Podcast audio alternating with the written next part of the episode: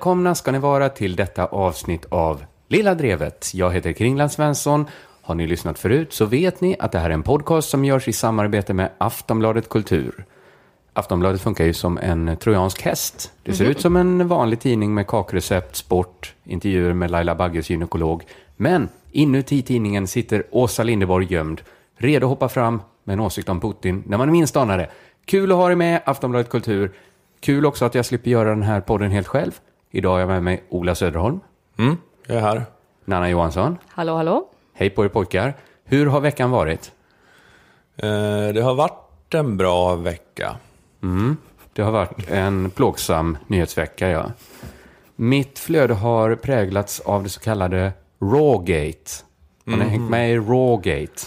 Jag satte mig in i det i morse faktiskt. Jag hade inte haft så bra koll på det. Nej. Jag är ju med, jag får ju, jag är med i den hemliga komikerlistan på Facebook, så jag får ju notiser hela tiden om när, Du har varit med och... när, när någon eh, har skrivit något, något vettigt. Det lät lite töntigt när man läste om den hemliga komikerlistan.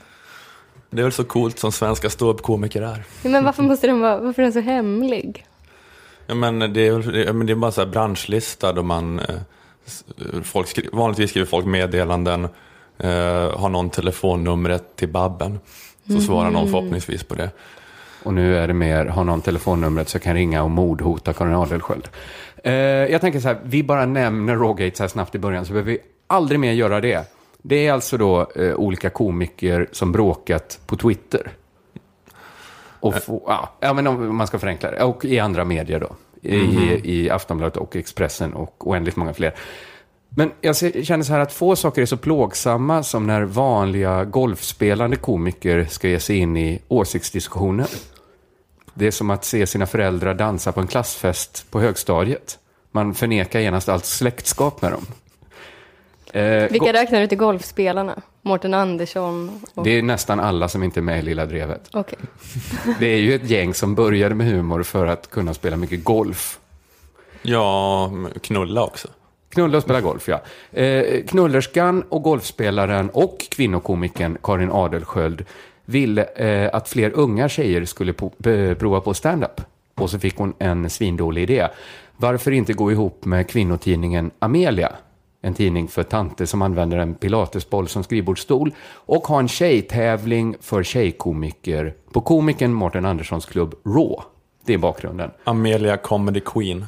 Just det, det skapades i samma stund som idén drabbade Karin Adelsköld. En stark eh, feministisk markering eh, för alla som ser Ladies Night eh, som ett viktigt kvinnoseparatistiskt rum eh, där kvinnliga erfarenheter kan diskuteras medan Anders Timell gör helikoptern för 45 000 på faktura. Eller den värsta eh, sortens opportunistisk skit man hör talas om i hela sitt liv. Man får välja var man står i den här frågan. Eh, av olika anledningar då så sålde det här eventet inte tillräckligt med biljetter Men det är väl att folk inte vill titta på en tävling? med helt gröna komiker. Mm, man vill väl ändå se... Ja, just det, att det var, ja, att det var, kostade 495 kronor för att se kvinn, kvinnliga Oj, rookiesen måndag. Ja, Jag vet inte exakt. Nej, det var, det var ganska dyrt. Ja. Eh, vi inte- ja, det fanns flera anledningar till det här. Men Mårten Andersson förklarar då att det numera inte finns någon anledning att boka kvinnliga komiker eftersom ingen vill gå och betala för att se dem. Och han sa att i tio års tid har Mårten Andersson misslyckats med att sälja biljetter när kvinnliga komiker uppträder. Så antingen är det fel på Mårten Andersson som klubbarrangör eller så är det fel på alla kvinnliga komiker. Men skrev han inte, jag minns det lite vagt men skrev han inte att, inga, att kvinnor säljer inte, förutom så räknar han upp ett antal namn, alltså de kända Just det. komikerna. Just det. För att det, att det är lite så här, ja, det det är lite märkligt att inte liksom, lite intuitivt tänker man att den här känd, okänd, en mer intressant dikotomi i biljettförsäljning än en kvinna, man. Det finns en rimlighet i det. Och eh, du, du, Karin Adelsköld delar din åsikt där och tyckte det var fel av Mårten att säga så. Eh, och då fick hon massa hot från manliga kollegor. Och tidningen Amelia ryckte modigt ut och kickade Karin Adelsköld. Hot från manliga kollegor. Eh, Karin fick det, ja. Källa Karin, men det får man väl ta på allvar om- de säger att de blivit hotade. Så eh, summa summarum, summa summar, vad säger jag? Summarum. Summarum. Ursäkta min dåliga latin. Eh, Karin Adelsköld gjorde minst fel. De som går med på diskussionen om kvinnor kan vara roliga gjorde mest fel, oavsett åsikt. Nu pratar vi aldrig mer om klubben Raw eller tidningen Amelia. För eh, visst måste det ha hänt andra saker i veckan. Ja, det får man hoppas. Ja, vad tänkte du rapportera om, Ola? Jag eh, tänkte lite grann nu inför EU-valet, så folk gillar ju att rösta på lite udda partier i EU-valen. Just det. De här så kallade enfrågepartierna går ofta starkt då. Eh, så jag, jag, jag ska prata lite om hur det är att vara ett enfrågeparti. Just det, de nere i EU måste tycka att Sverige är ett spännande land som hela tiden skickar nya tomtar varje år.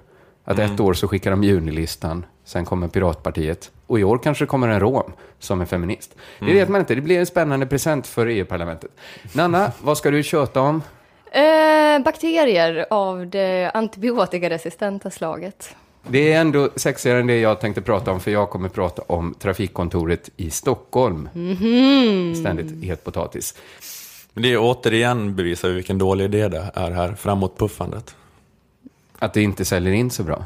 Nej, låt inte vår podd hemsk när man beskriver den på det här viset. För att det är torra ämnen. Men blir det alltid. inte att det Så att om blir, man bara eh, säger ämnet låter det fruktansvärt. Ja, men föder det inte något hos folk att att de tänker, hur fan ska de ta sig ur det här hörnet de målat in sig i? Det blir bakterier, det blir trafikkontoret, det blir EU. Det här ska bli spännande att se hur de reder upp den här soppan. Jag tror i alla fall att det här har alla förutsättningar att bli ett klart godkänt program. Du är en optimist.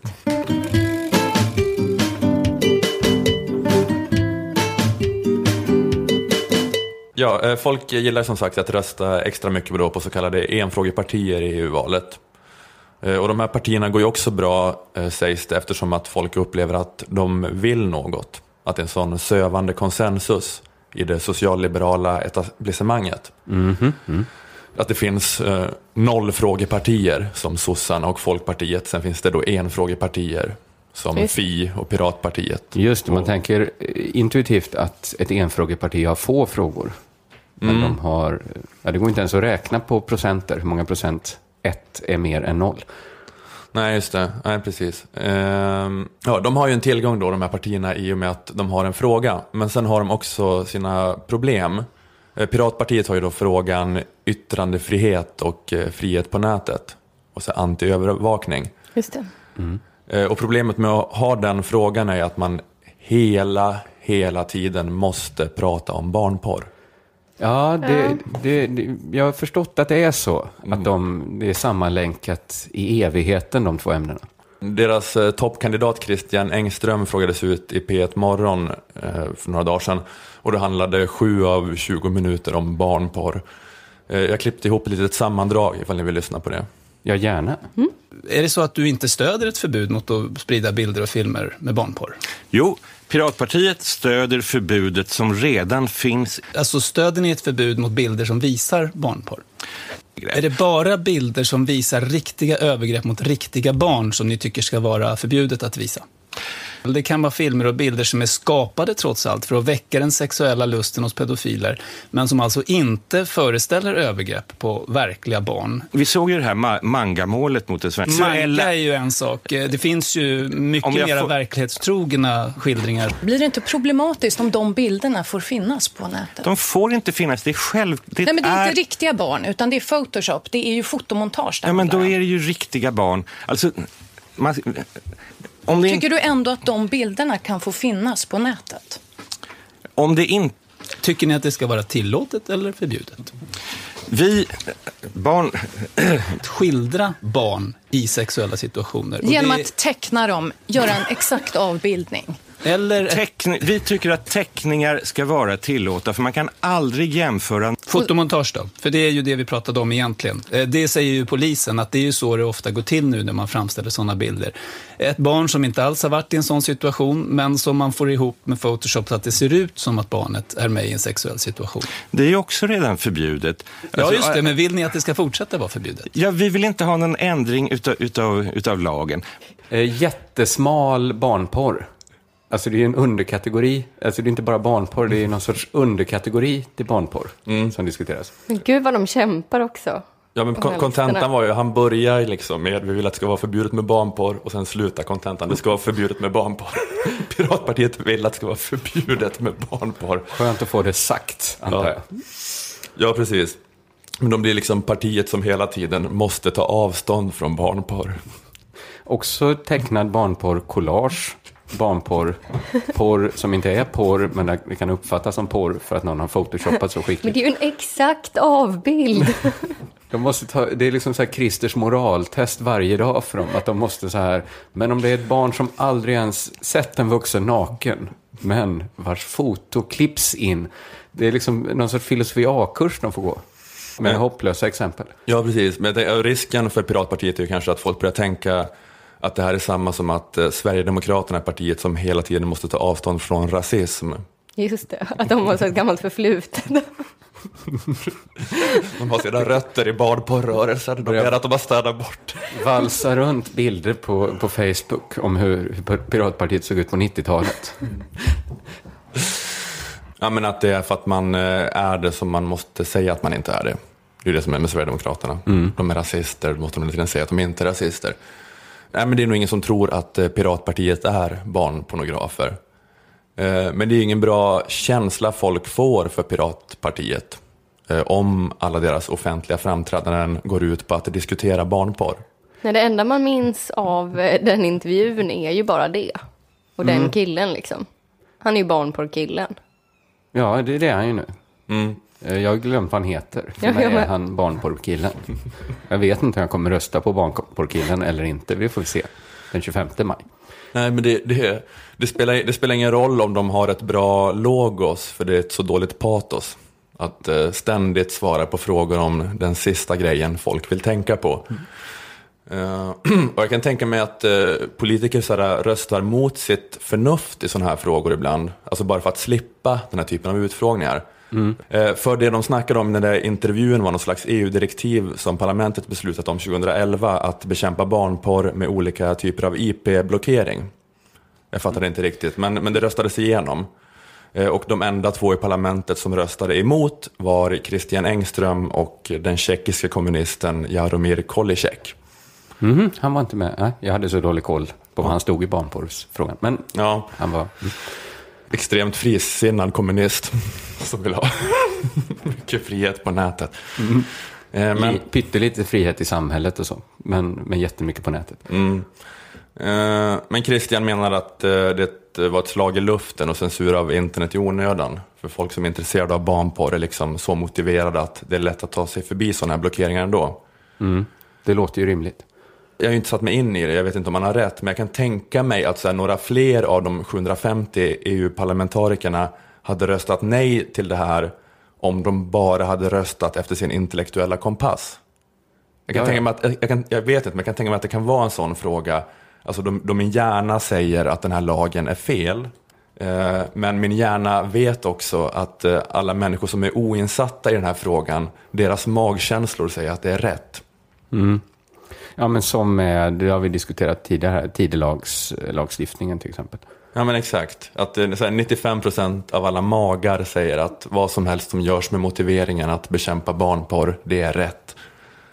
Just det. Det dumma är ju att vi får massa moraliserande skitlagar, men det kanske är ett, ett billigt pris. Ja, men det dumma är ju om det läggs svin mycket pengar på något som de eh, som letar efter barnporr bara klickar sig förbi på tio sekunder. Det är dumt också. Men jag, ett problem med moraliserande lagar är ju att det är ju inget bra att skapa lagar utefter vad folk tycker är äckligt.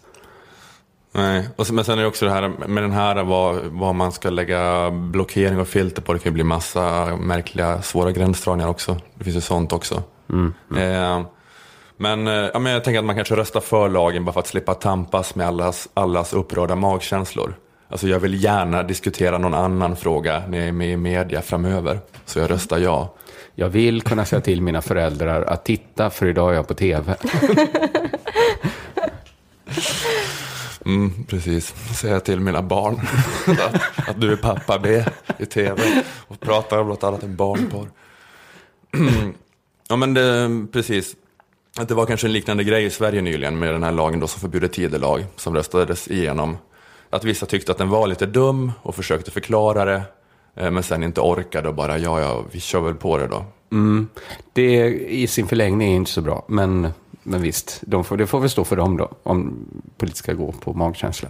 Ja, Ja, men, man kan men- förstå men det, att det blir för jobbigt att bli tidelagspolitiker. Ja, men det är så, det är så här hård och effektiv anklagelse som kan formuleras i en mening. Så här, vad då tycker du att det är rätt att knulla djur? tycker du det? Men det tar lite längre tid att förklara varför lagen är dum. Så att, nej, men jag tror att den lagstiftning som redan finns täcker in onödigt med massa morallagar, problematiska gränsdragningar. Man ska tänka sig att djur ska ha samma rätt till sexuell integritet som människor i avelsindustrin till exempel och bla bla bla. Så här, men vad då? det är väl äckligt att ligga med djur? Skjuter då motståndaren in. Så här, ja okej, jag röstar väl ja då.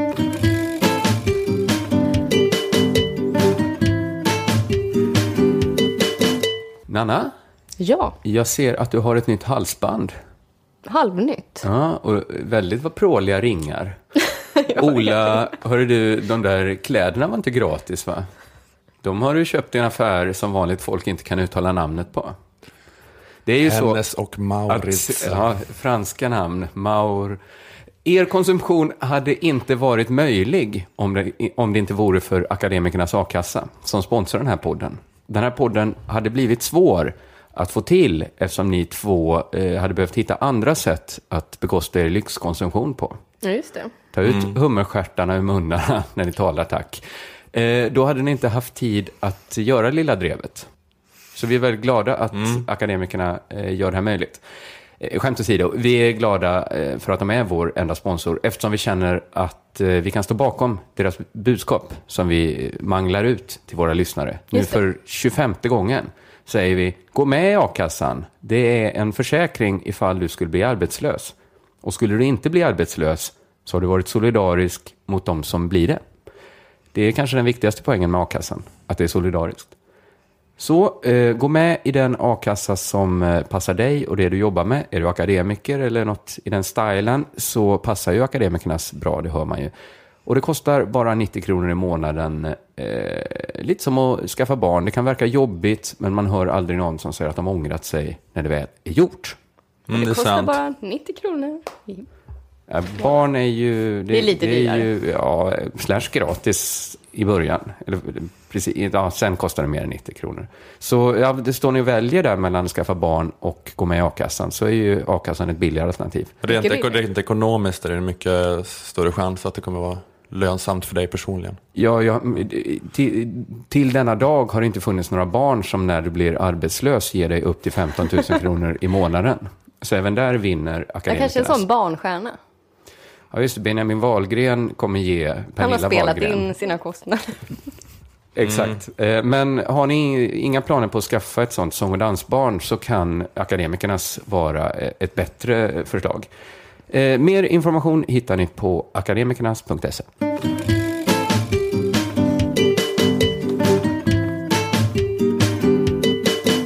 Kringlan och Ola, eh, äter ni gris? Eh, Jag äter inte gris. Ja, jag äter gris emellanåt. Eh, Det har ju pratats ganska mycket om griskött de senaste dagarna. Efter att det kommit fram att nio av tio danska grisar bär på den eh, antibiotikaresistenta bakterien MRSA som hittills har dödat fyra människor. Eh, De har fått någon sorts blodförgiftning som står emot antibiotika. Ja, Okej. Har ni, ni har inte läst De har om det fått här? eh, för lite antibiotika, de danska grisarna då? Att de blivit så sjuka? Nej, de har ju fått för lite på det sättet att, att bakterier har överlevt och sen eh, eh, muterat fram resistens. Just det, så i framtiden får vi hoppas att man ger danska grisar mer antibiotika så att de slipper de här sjukdomarna. Just det.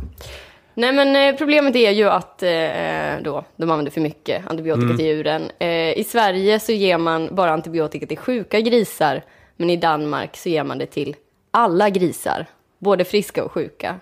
Lite som att sätta blöja på alla människor och inte bara på inkontinenta. Eh, med undantaget då att en blöja inte är fara för allt liv på jorden. Nej, det är en viktig skillnad. Ja, det är, Men- men det, är viss skillnader. Är det inte det att man, ska, man eh, proppar dem med så mycket så här, eh, typ anabola och tillväxthormon för att de ska växa snabbt? Eller kanske bara kossor och då måste man ge dem antibiotika samtidigt för att de inte ska bli sjuka och dö. Ja, det är ju mycket också för att det, det, blir, det går ju sjukdomar när det är trångbott och så. Ja, man slipper Ehm. kanske testa alla grisar. Om man behandlar alla grisar som sjuka grisar. Ja, precis. Så Eh, man det inte är väl skillnad på det, gris och gris. eh, ett veterinärsbesök istället för... Ja.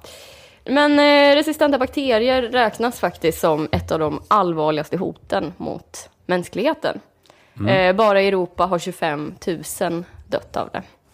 Ja, va? Så det är liksom redan igång, av resistenta bakterier. ja, just det. Mm. Ja, jag vet inte hur mycket man måste säga, förklara om...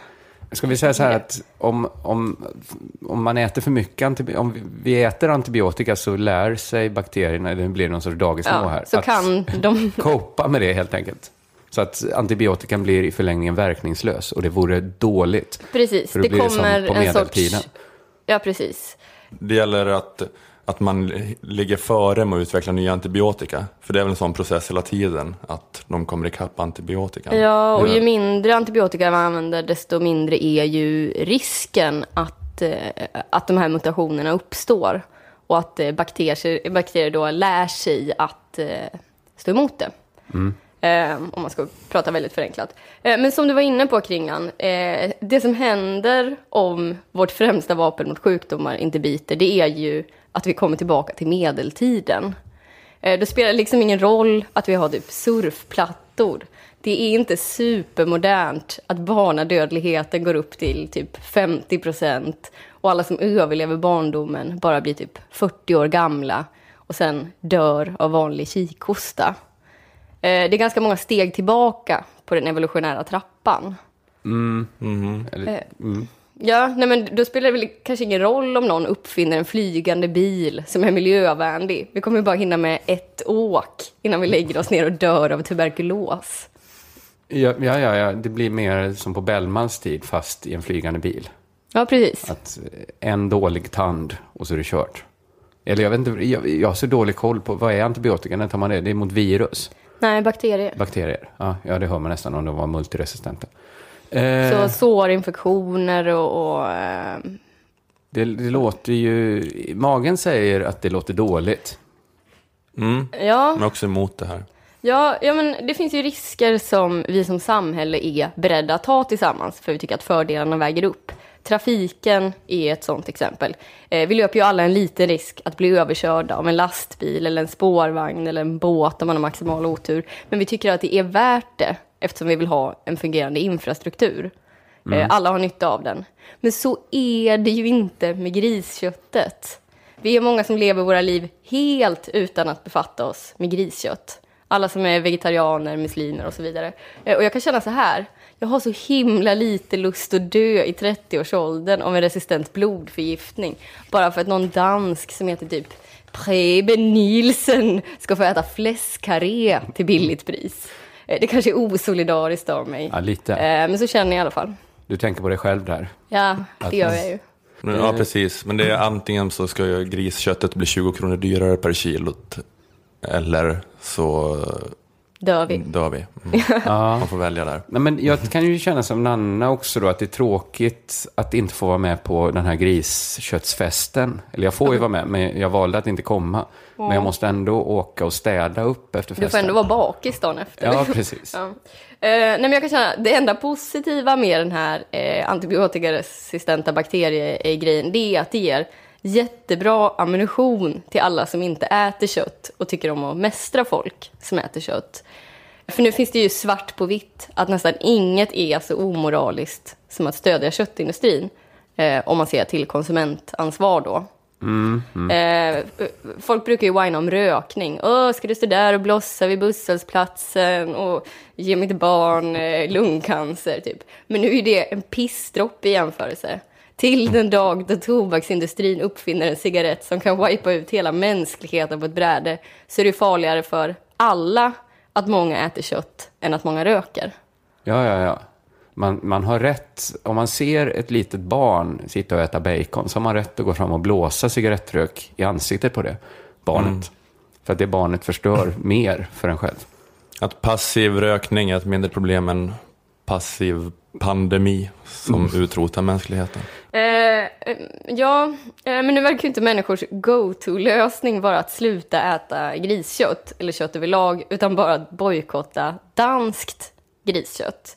Eh, Men det räcker ju inte riktigt i det långa loppet. För jag läste att allt som allt så står köttindustrin för två tredjedelar av världens totala antibiotikaanvändning. Eh, Så det är bara en tidsfråga innan nästa bakterie ballar ur. Just det. Men det är intressant med konsumentansvar, för jag har försökt ta konsumentansvar och inte äta själv så mycket antibiotika. Alltså jag tänkte att det, det var där konsumentansvaret låg. Så på något sätt är det bra att den här nyheten, det verkar ju mer verkningsfullt att inte äta griskött då. Ja. Så kan man själv äta antibiotika om man är sjuk. Ja, man brukar lite skämtsamt säga att det är människor i Sydeuropa som använder för mycket antibiotika eftersom de skriver ut penicillin så fort någon bara hostar till lite. Om de bara är lite små, bara lite hungriga så tar de gärna en liten En rejäl dos penicillintablett. antibiotika. Bara för Ja. att bli mätta alltså. Ja, precis. Men- Men de hade ju typ kunnat fortsätta med den antibiotikafesten om de bara la ner sin köttindustri. Skippa carbonaran, fortsätta att bara snacksa på penicillintabletter. Byt ut en tapas om dagen mot en penicillintablett. Skulle kunna vara en, Om den tapasen består av kött. det gör den ju i regel. Eh, man skulle kunna ge alla EU-länder det här valet. Ni får bara ge antibiotika till ett av följande. Människor eller slaktdjur. Jag Mm. tror och hoppas att de flesta skulle välja människor. Om Utom kanske... Ah, Danmark vet du. Det är inget sånt eh, Sofies val. Men det, men det måste väl finnas en. ändå antibiotikafritt kött? Finns inte det? Ja, men så på så här eko, det finns säkert massa kontroller Och så där. kostar det fyra gånger mer. Och det är ingen som tycker att det är kul. Nej. kanske. Nej, just det. Det är, ingen, det är en omöjlig ekvation att lösa. Lite. Ja, men jag kan känna så att om man måste ha en slaktindustri så kan man ju testa det här crazy-förslaget. Att skärpa djurskyddet så att djuren inte har det så dåligt så att de blir sjuka hela tiden. Om de inte behöver så trängas och ligga och gona i varandras avföring så kommer de inte bli lika sjuka och då kommer det inte behövas lika mycket antibiotika och då slipper Ola dö av förkylning i 40-årsåldern och Kringlan av resistent syfilis. Kringlan fick en äckligare sjukdom. Ja, det fick jag verkligen. Snusk. Snuskig sjukdom. Ja, Ja.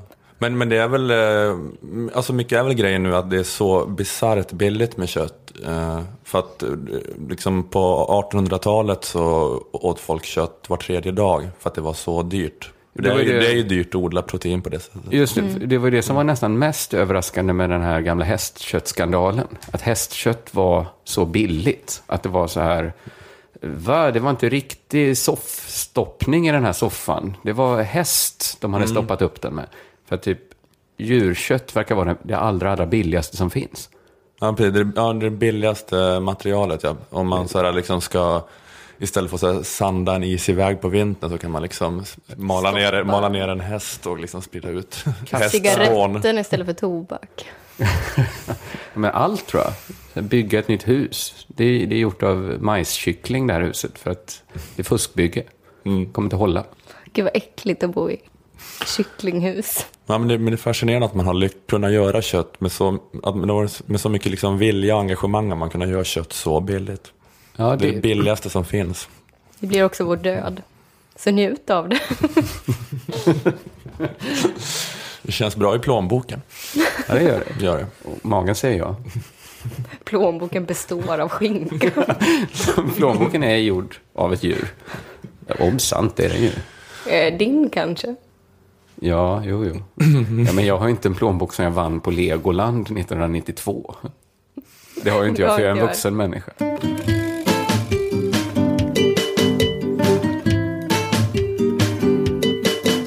En av veckans stora snackisar har ju varit Per Landin, markupplåtare på Trafikkontoret. Eh, ofta är det ju så att markläggare på olika trafikkontor eh, har svårt att nå ut genom mediebruset. Eh. Man kanske startar en Facebookgrupp, vi som gillar avfallshantering, så blir det noll likes kanske, några stycken. Man kanske skriver en debattartikel om snöröjning på Nyheter 24 och så är det ingen som delar den. Men nu har det hänt. Trafikkontoret i Stockholm har kommit ut ur sin mediala skugga och det är markupplåtaren Per Landin som ligger bakom succén. Alla snackar Trafikkontoret nu. Markläggare Per Landin har blivit namnet på alla släppar. Hur gick det till? Jo, så här. Eh, ni, ni känner till det kanske? Eh, Du förklarade det för mig igår. Igår jag har inte heller hängt med så mycket. Men det är det här med eh, Soppkök Stockholm. soppkök, just det. Precis. Ett gäng eh, sköna människor som brukar stå och dela ut mat till hemlösa på Medborgarplatsen. Och det här oskicket har då Per Landin försökt stoppa. Och det i sig kändes väl inte så soft. Men det, risken var att det hade kanske gått under radarn på folk. Att här får det inte stå eh, massa, massa drägg och dela ut soppa. Om det inte hade varit för att han eh, uttryckte sig så, så hårt. Det var därför det blev ett sånt klickmonster. Han bestämde... Sa han, eh, det får inte stå massa drägg och dela ut soppa här. Eller var det ditt Det var mitt val. Okej. Eh, de är absolut, det är ju jättetrevliga män. Men jag var inne i hjärnan på Per Landin. Du ser den här podden som karaktärsskådespeleri. Ja, i alla fall en övning. Sen tänker jag att jag är redo för de större arenorna och då, då, är, det, då, då är det allvar. Mm. Men- Method, men- method acting. Du har, gått, du har gått och varit Per Landin hela dagen. Ja, det har jag. Eh, Pratat med människor som Per Landin. Jag ska, jag ska göra min Per Landin nu då. Eh, och vad han, eh, när han motiverade sitt beslut att stoppa Soppkök Stockholm. Eh, då, då sa han så här att det riskerar att bli en freakshow. Att risken är att man förvandlar Medborgarplatsen till ett zoo om man delar ut mat till hemlösa där.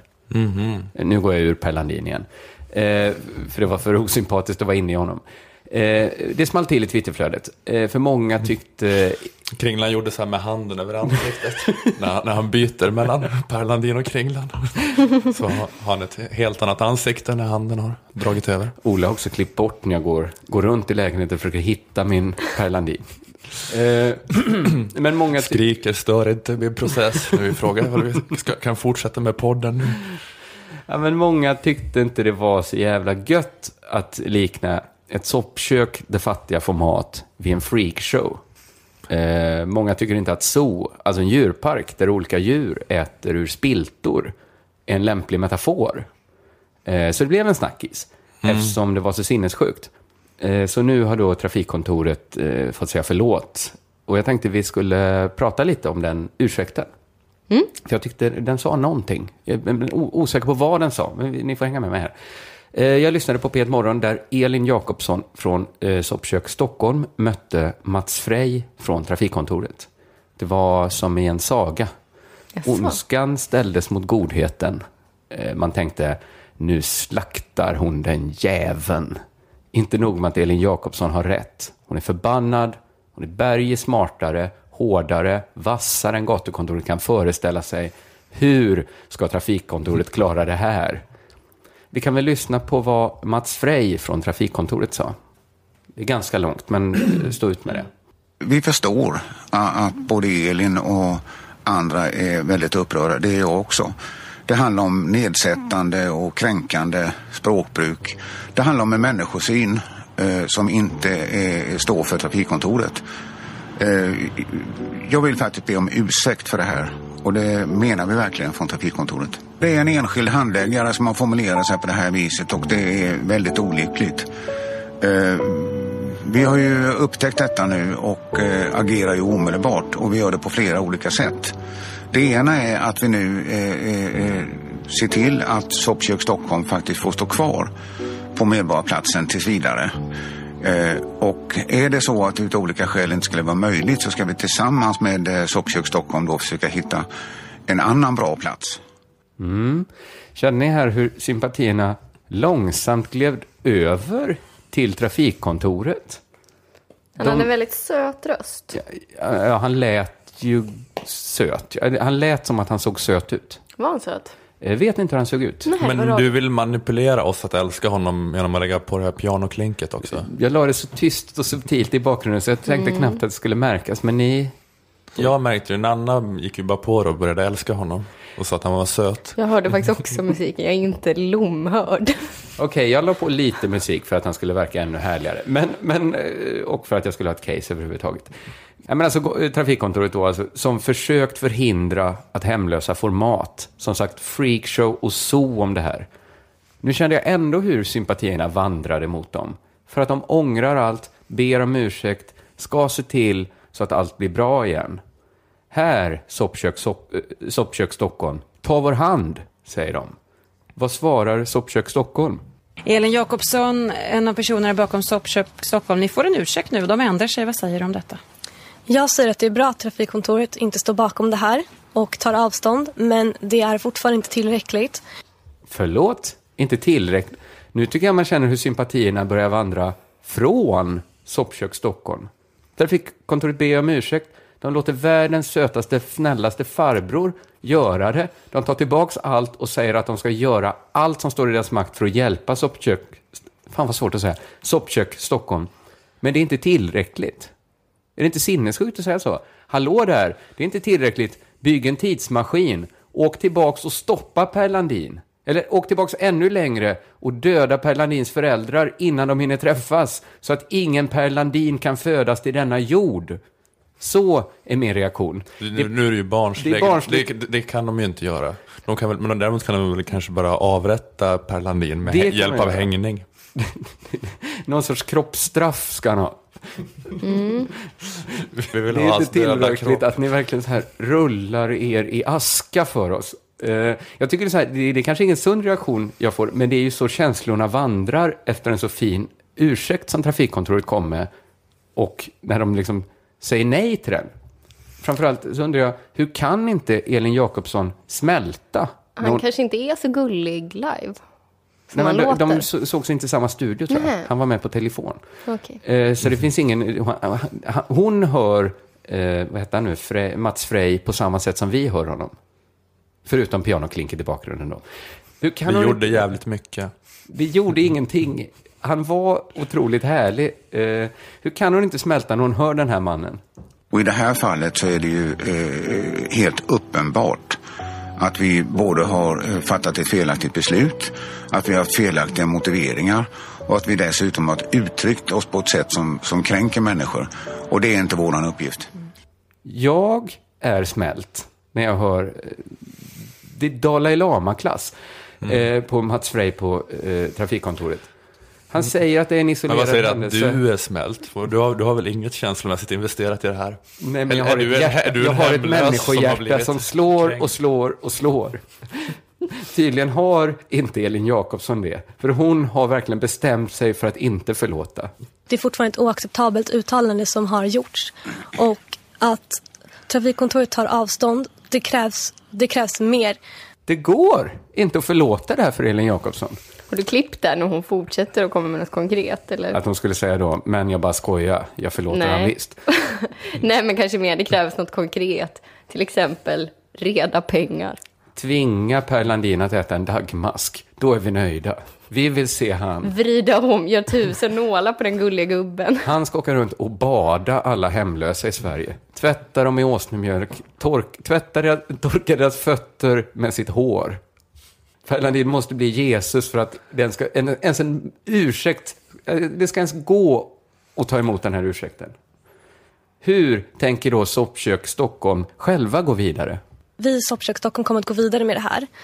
Eh, Hur då? Vi kommer ta vidare aktioner exempelvis på sociala medier under hashtaggen eh, Vart ska du ta vägen? Ja. Mm. Du fick något besväret över Ja, men ansiktsdragen det där, är ett hotet. Eh, vi ses Hotet på om- sociala medier. Hotet Det är om inte att twittra trafikkontoret sönder och samman. Det blir inte roligt. Ett helt dygn när massa socionomstudenter och pappalediga bloggare bara öser på med taskigheter innan, innan något annat dyker upp i, i periferin. Oj, där står visst Mårten Andersson och gillar inte kvinnor supermycket. Då tar vi det istället. Ja, men, okej, jag kanske gör mig lite rolig här och eh, går på fel, fel eh, aktör här. Men jag fattar ju så här att det är Soppkök Stockholm som har rätt. Problemet är liksom att de har för rätt. Trafikkontoret har gjort för fel. Det finns inget kvar att diskutera.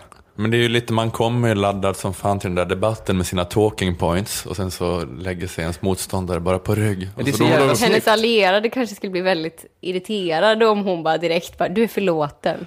De har sagt, du måste säga det här och det här och det här. Och sen så visste hon inte om att det liksom var någon som eh, bara vände andra kinden till och ville ta emot alla slag liksom. Nej, nej, men man får ju förstå det. Men hon framstår ju lite som en känslokall robot.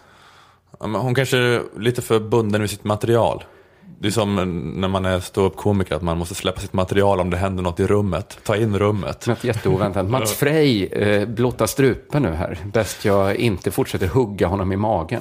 Eh, det är liksom, om man leder i fotboll med 100-0 så är det ju en risk att publiken börjar heja lite på att det ska bli 101. Man älskar ju en underdog. Just det. Men jag tycker det är obegripligt att ursäkter inte används oftare. För det är ju helt omöjligt att bemöta dem. Uppenbarligen. Hon hade ju superrätt. Ändå så känner man att hon hade fel. Ja, pudeln är en superbra mediataktik. Alltid. Ja, om den känns innerlig. Om man skickar fram en väldigt, väldigt rar farbror. Alltså jag tror att han ska jobba med det här. Varför har inte alla politiker varsin sån gubbe Varsin som de bara skickar fram?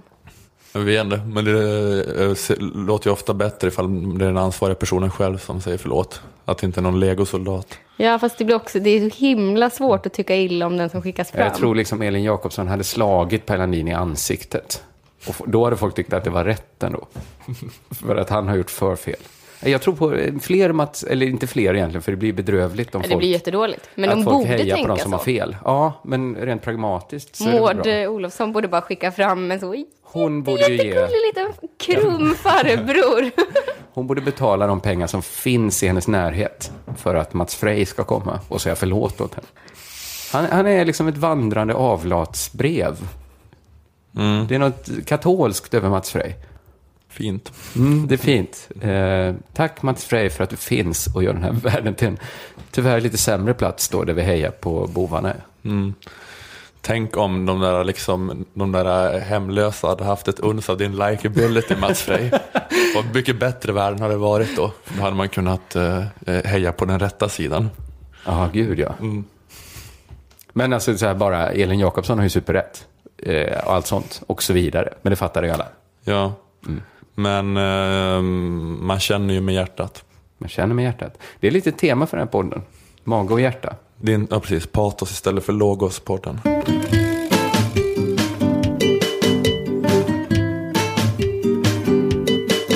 Eh, Jag tänkte fortsätta lite grann eh, på det här spåret med enfrågepartierna.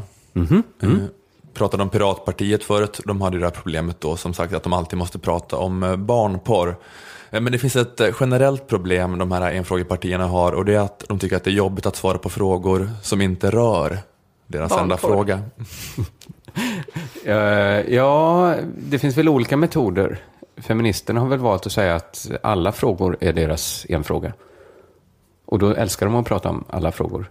Att man kan ha genusperspektivet på allting. Exakt det. Exakt det. Ja, precis. Men det är ett beprövat journalistknep, det här. Att fråga ett sånt parti om något annat. Alltså som den här Orsa-nazisten vi spelade upp för för ett par avsnitt sedan, va? Ja, att det, ja. det uppstår comedy när man då frågar en rasist något om hur man ska finansiera någon slags kommunal verksamhet. Jo, fast där får väl nazisterna och rasisterna, de säger ju, det är ofta deras egen flagg att de säger att vi är det partiet som tar ansvar för de gamla. Då är det ju rimligt att man ställer Ja, nej, men det är väl alltid rimligt att ställa de här frågorna. Eh, Men, eh, ja, men det är bara, det är bara ett sätt- ett sätt för journalister att roa sig. Det här. Att, eh, att hitta någonting som ett sånt här enfrågeparti har skrivit längst ner i sitt valmanifest. Som ingen, Nej. ingen har tänkt på. alla vill gå hem. Så fick man riva av. Vi måste ha en ekonomisk politik också. vänta, vänta. Nu är jag kanske fördomsfull, men jag tänker att till exempel Fi inte har superbra koll på jordbrukspolitik. Jag trodde du skulle säga pengar. Men nej, men det tror Jag kommer heller. komma lite till Ja, det ja, då väntar vi med den gottepåsen. Men jag tror inte heller att de... Jag vet inte... Nej, det känns ju inte så. Eh, Men det var en utfrågning med några EU-parlamentskandidater i SVTs eh, Godmorgon-program eh, där intervjuaren körde med den här grejen. Här så frågar han ut SDs toppnamn. Kristina Winberg, Sverigedemokraterna vill ju finansiera framtida EU-avgifter genom att höja importtarifferna.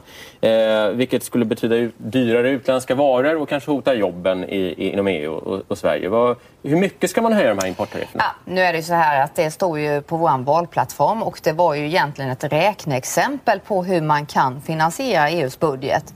SD har skrivit att en sak de vill göra är att eh, höja importtarifferna för att finansiera EU-budgeten. Hon säger att det bara är ett räkneexempel. Vad fan menas med det?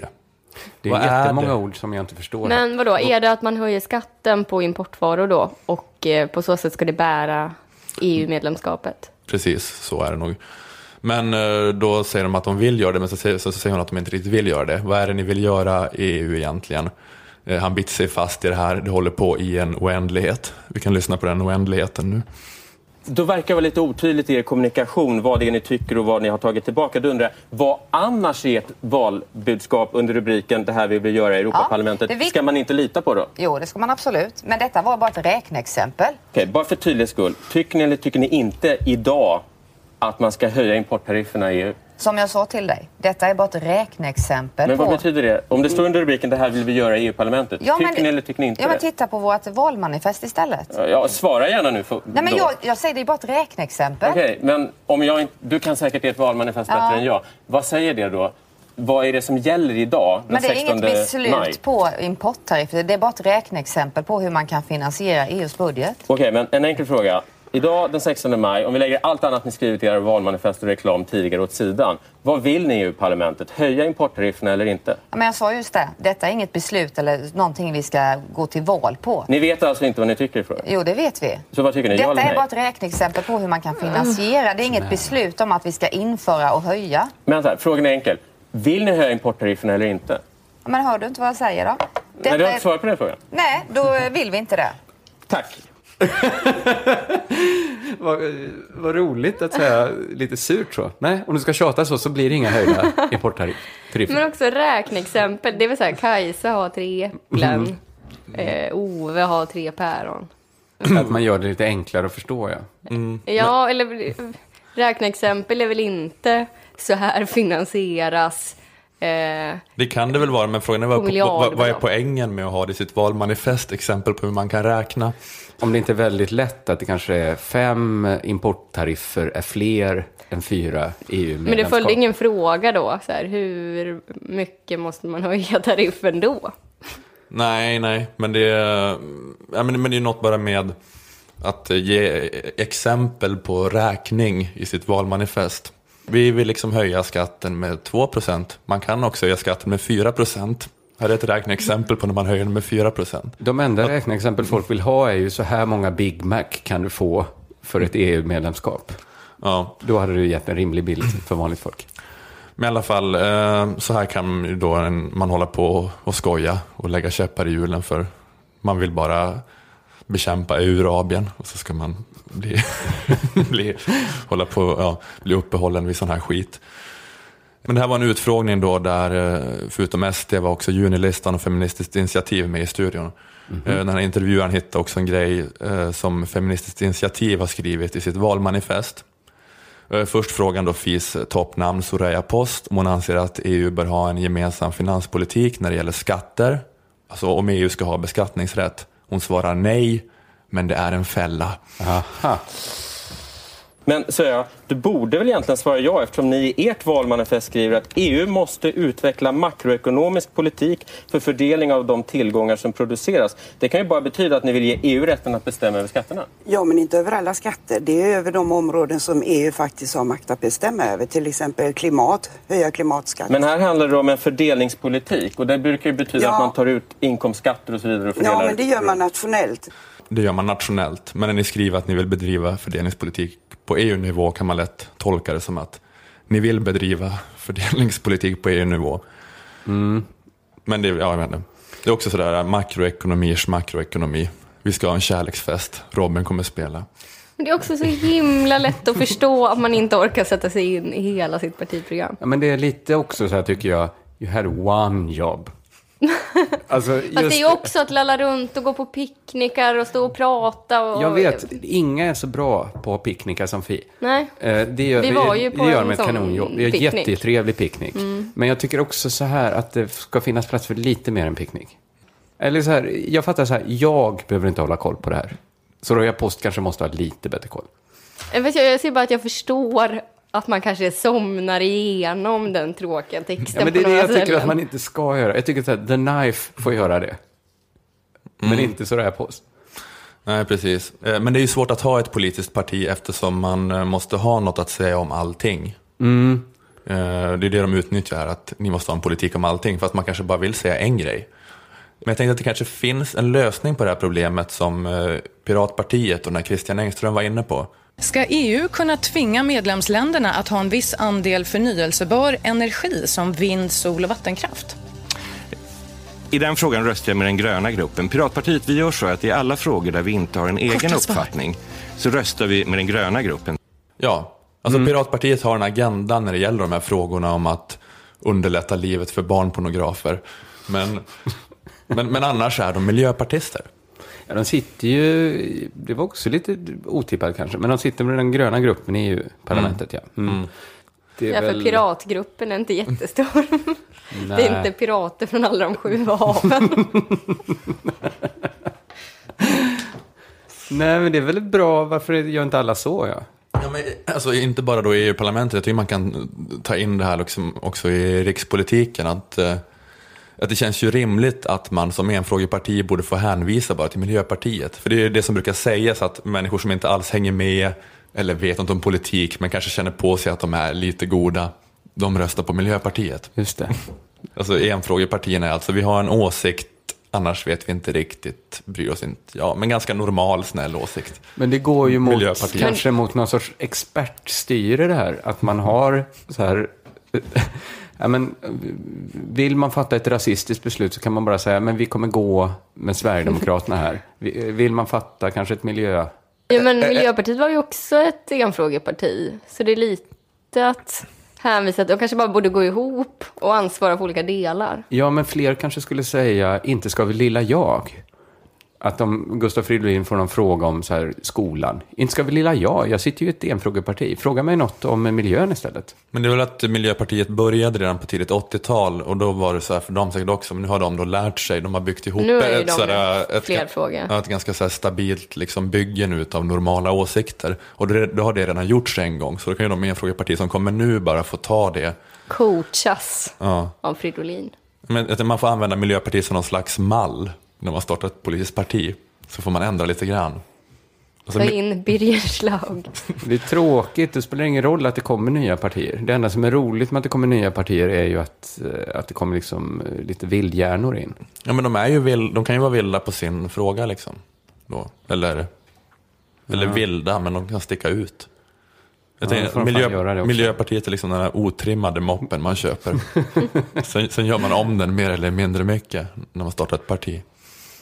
Det, funkar inte riktigt på Sverigedemokraterna kanske. Uh, och hänvisa till Miljöpartiet så. Men de här, alla, alla de här enfrågepartierna som kanske är lite goda är på Vad står Sverigedemokraterna i miljöfrågor? De kanske kan hänvisa, de kan väl inte? tycka som Miljöpartiet i skattepolitik, typ. Eller de, de, de, vill ju ha, de vill ju ha låg bensinskatt i och för sig, för alla bönder ute på landet. Ja, okej. Det går ju inte. Men den frågan kan de väl ge upp, det är ju en jävla skitfråga. Ja, men det tror jag ändå är lite rakt in i Nu kommer du vedboden få för dem. arga mejl. Från folk på landet. Ja. Du har så bra koll på Du har- våra lyssnare. Ja, du, du har så himla dålig koll på vilka som lyssnar. Så här, det kommer komma massa, ah, så här, ett helt gäng killar med epatraktorer som lyssnar på Lilla Drevet kommer höra av sig. Våra Men du liksom... tror inte att det kan sitta någon på landet? Om du är från landet och lyssnar på den här podden, snälla skriv det på Twitter så jag får lite De rätt. enda som kommer röra av sig var att vi sa något lite taskigt om Fi. Det är de enda som lyssnar på den här podden. Folk som vacklar mellan Miljöpartiet, Fi och Vänsterpartiet. Vi har ingen sån liksom, kärntrupp av lyssnare som bor i liksom, små samhällen i Värmland. Det vet du inte. Hela vår lyssnarskara skulle klara sig en vecka på en dosa kramsnus. Så lite snusas det ju kramsnus i vår lyssnarskara. Ja. Du snusar inte kramsnus. Nej, men jag skulle göra det om det var det enda som fanns. Mm. Ja, så men då är du djupt den enda då. beroende är jag. Det var ingen, det var ingen bra historia. Det går- om, om hur beroende du är. Otroligt beroende. Vår lyssnargrupp dricker sammanlagt två Red Bull i veckan. Det är alla som lyssnar på Lilla Drevet. Men vadå, att- är det kännetecknande för folk på landet att dricka mycket Red Bull? Folk, folk och fan. Djur. Såna, det är ett jävla zoo. Folk som inte lyssnar på Lilla Drevet. Mm, mm. Jag tror vi har lyssnare på landet. Ja, det är klart vi har på landet, men, det, men inte sådana som, som vill ha sänkt bensinskatt. Detta kanske Jo, fördomar. men- Visst, hör av er om ni åker mycket bil och vill göra det billigare medan ni lyssnar på Lilla Drevet, så får vi väl dementera det här då. Det är väl så när så här, om Ulf Malmros spelar in en film som ska utspela sig i, liksom, i den här landsbygdsvärlden att Lilla Drevet står på i bakgrunden på radion överallt när de håller på och knullar och sådär. Eller trimmar sin, sina, sin motorcykel. Mm. Ja. De lyssnar på Creedence och Lilla Drevet. De människor på landet. Jag är inte fördomsfull. Men jag pratar inte om alla på landet nu heller. Jag pratar om de Nej, jag tror inte heller att alla på landet. lyssnar på oss. Jag tror inte det är en sån grej som man samlas i, i storstugan. Vrider på. Ja, men, ja, precis. Men eh, att brinna väldigt mycket för låg bensinskatt och lyssna på Lilla Drevet är kanske ovanligt. Jag tror det. Eller? Ifall, eller ifall det är någon som både vill ha sänkt bensinskatt och lyssna på den här podden så... Mikael Niemi. Ja, Jag tror det- inte Mikael Niemi lyssnar på den här podden. Nej, okej. Ja, Men skulle du bli ganska smickrad om man gjorde det? Mm. Ja, sådär. Jag, jag kommer ihåg att jag, jag, när jag jobbade på Norrbottens-Kuriren som sommarvikarie någon gång för kanske 11 år sedan, 12 år sedan. Eh, då skulle jag ringa upp med Mikael Niemi för någon sån här enkät i egenskap av kändis-norrbottning. Så ringde jag och sa eh, Hej, jag ringer från Norrbottens-Kuriren. Och då svarade Mikael Niemi Nej men jag har NSD och jag är så nöjd med den. Alltså den konkurrerande tidningen. Så, eh, sån fake ödmjukhet. Han visste ju att det inte var liksom någon som sålde prenumerationer. Han visste att han skulle bli intervjuad. Det var inte bara att han skojade lite med dig. Nej, jag känner att han är så, väldigt, att han är så passivt aggressiv i sin narcissism. de är ofta det, sådana norrbottniska kulturmän, så de, för de kör på den grejen att de är så himla, himla jordnära. Mm. Mycket magkänsla om vi ska knyta ihop den här podden på något sätt.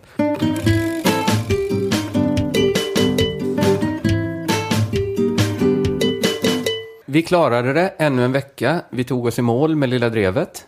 Tack för att ni hjälpte till och, och, och baxa den här skiten hela vägen. Varsågod. Tack själv, Kringlan. Det är alltså en eh, satirpodd som ni har hört som görs i samarbete med Aftonbladet Kultur. Och vi säger väl tack en gång till till vår sponsor Akademikernas A-kassa. Och så hörs vi nästa vecka. gör vi. Hej hej! Hej.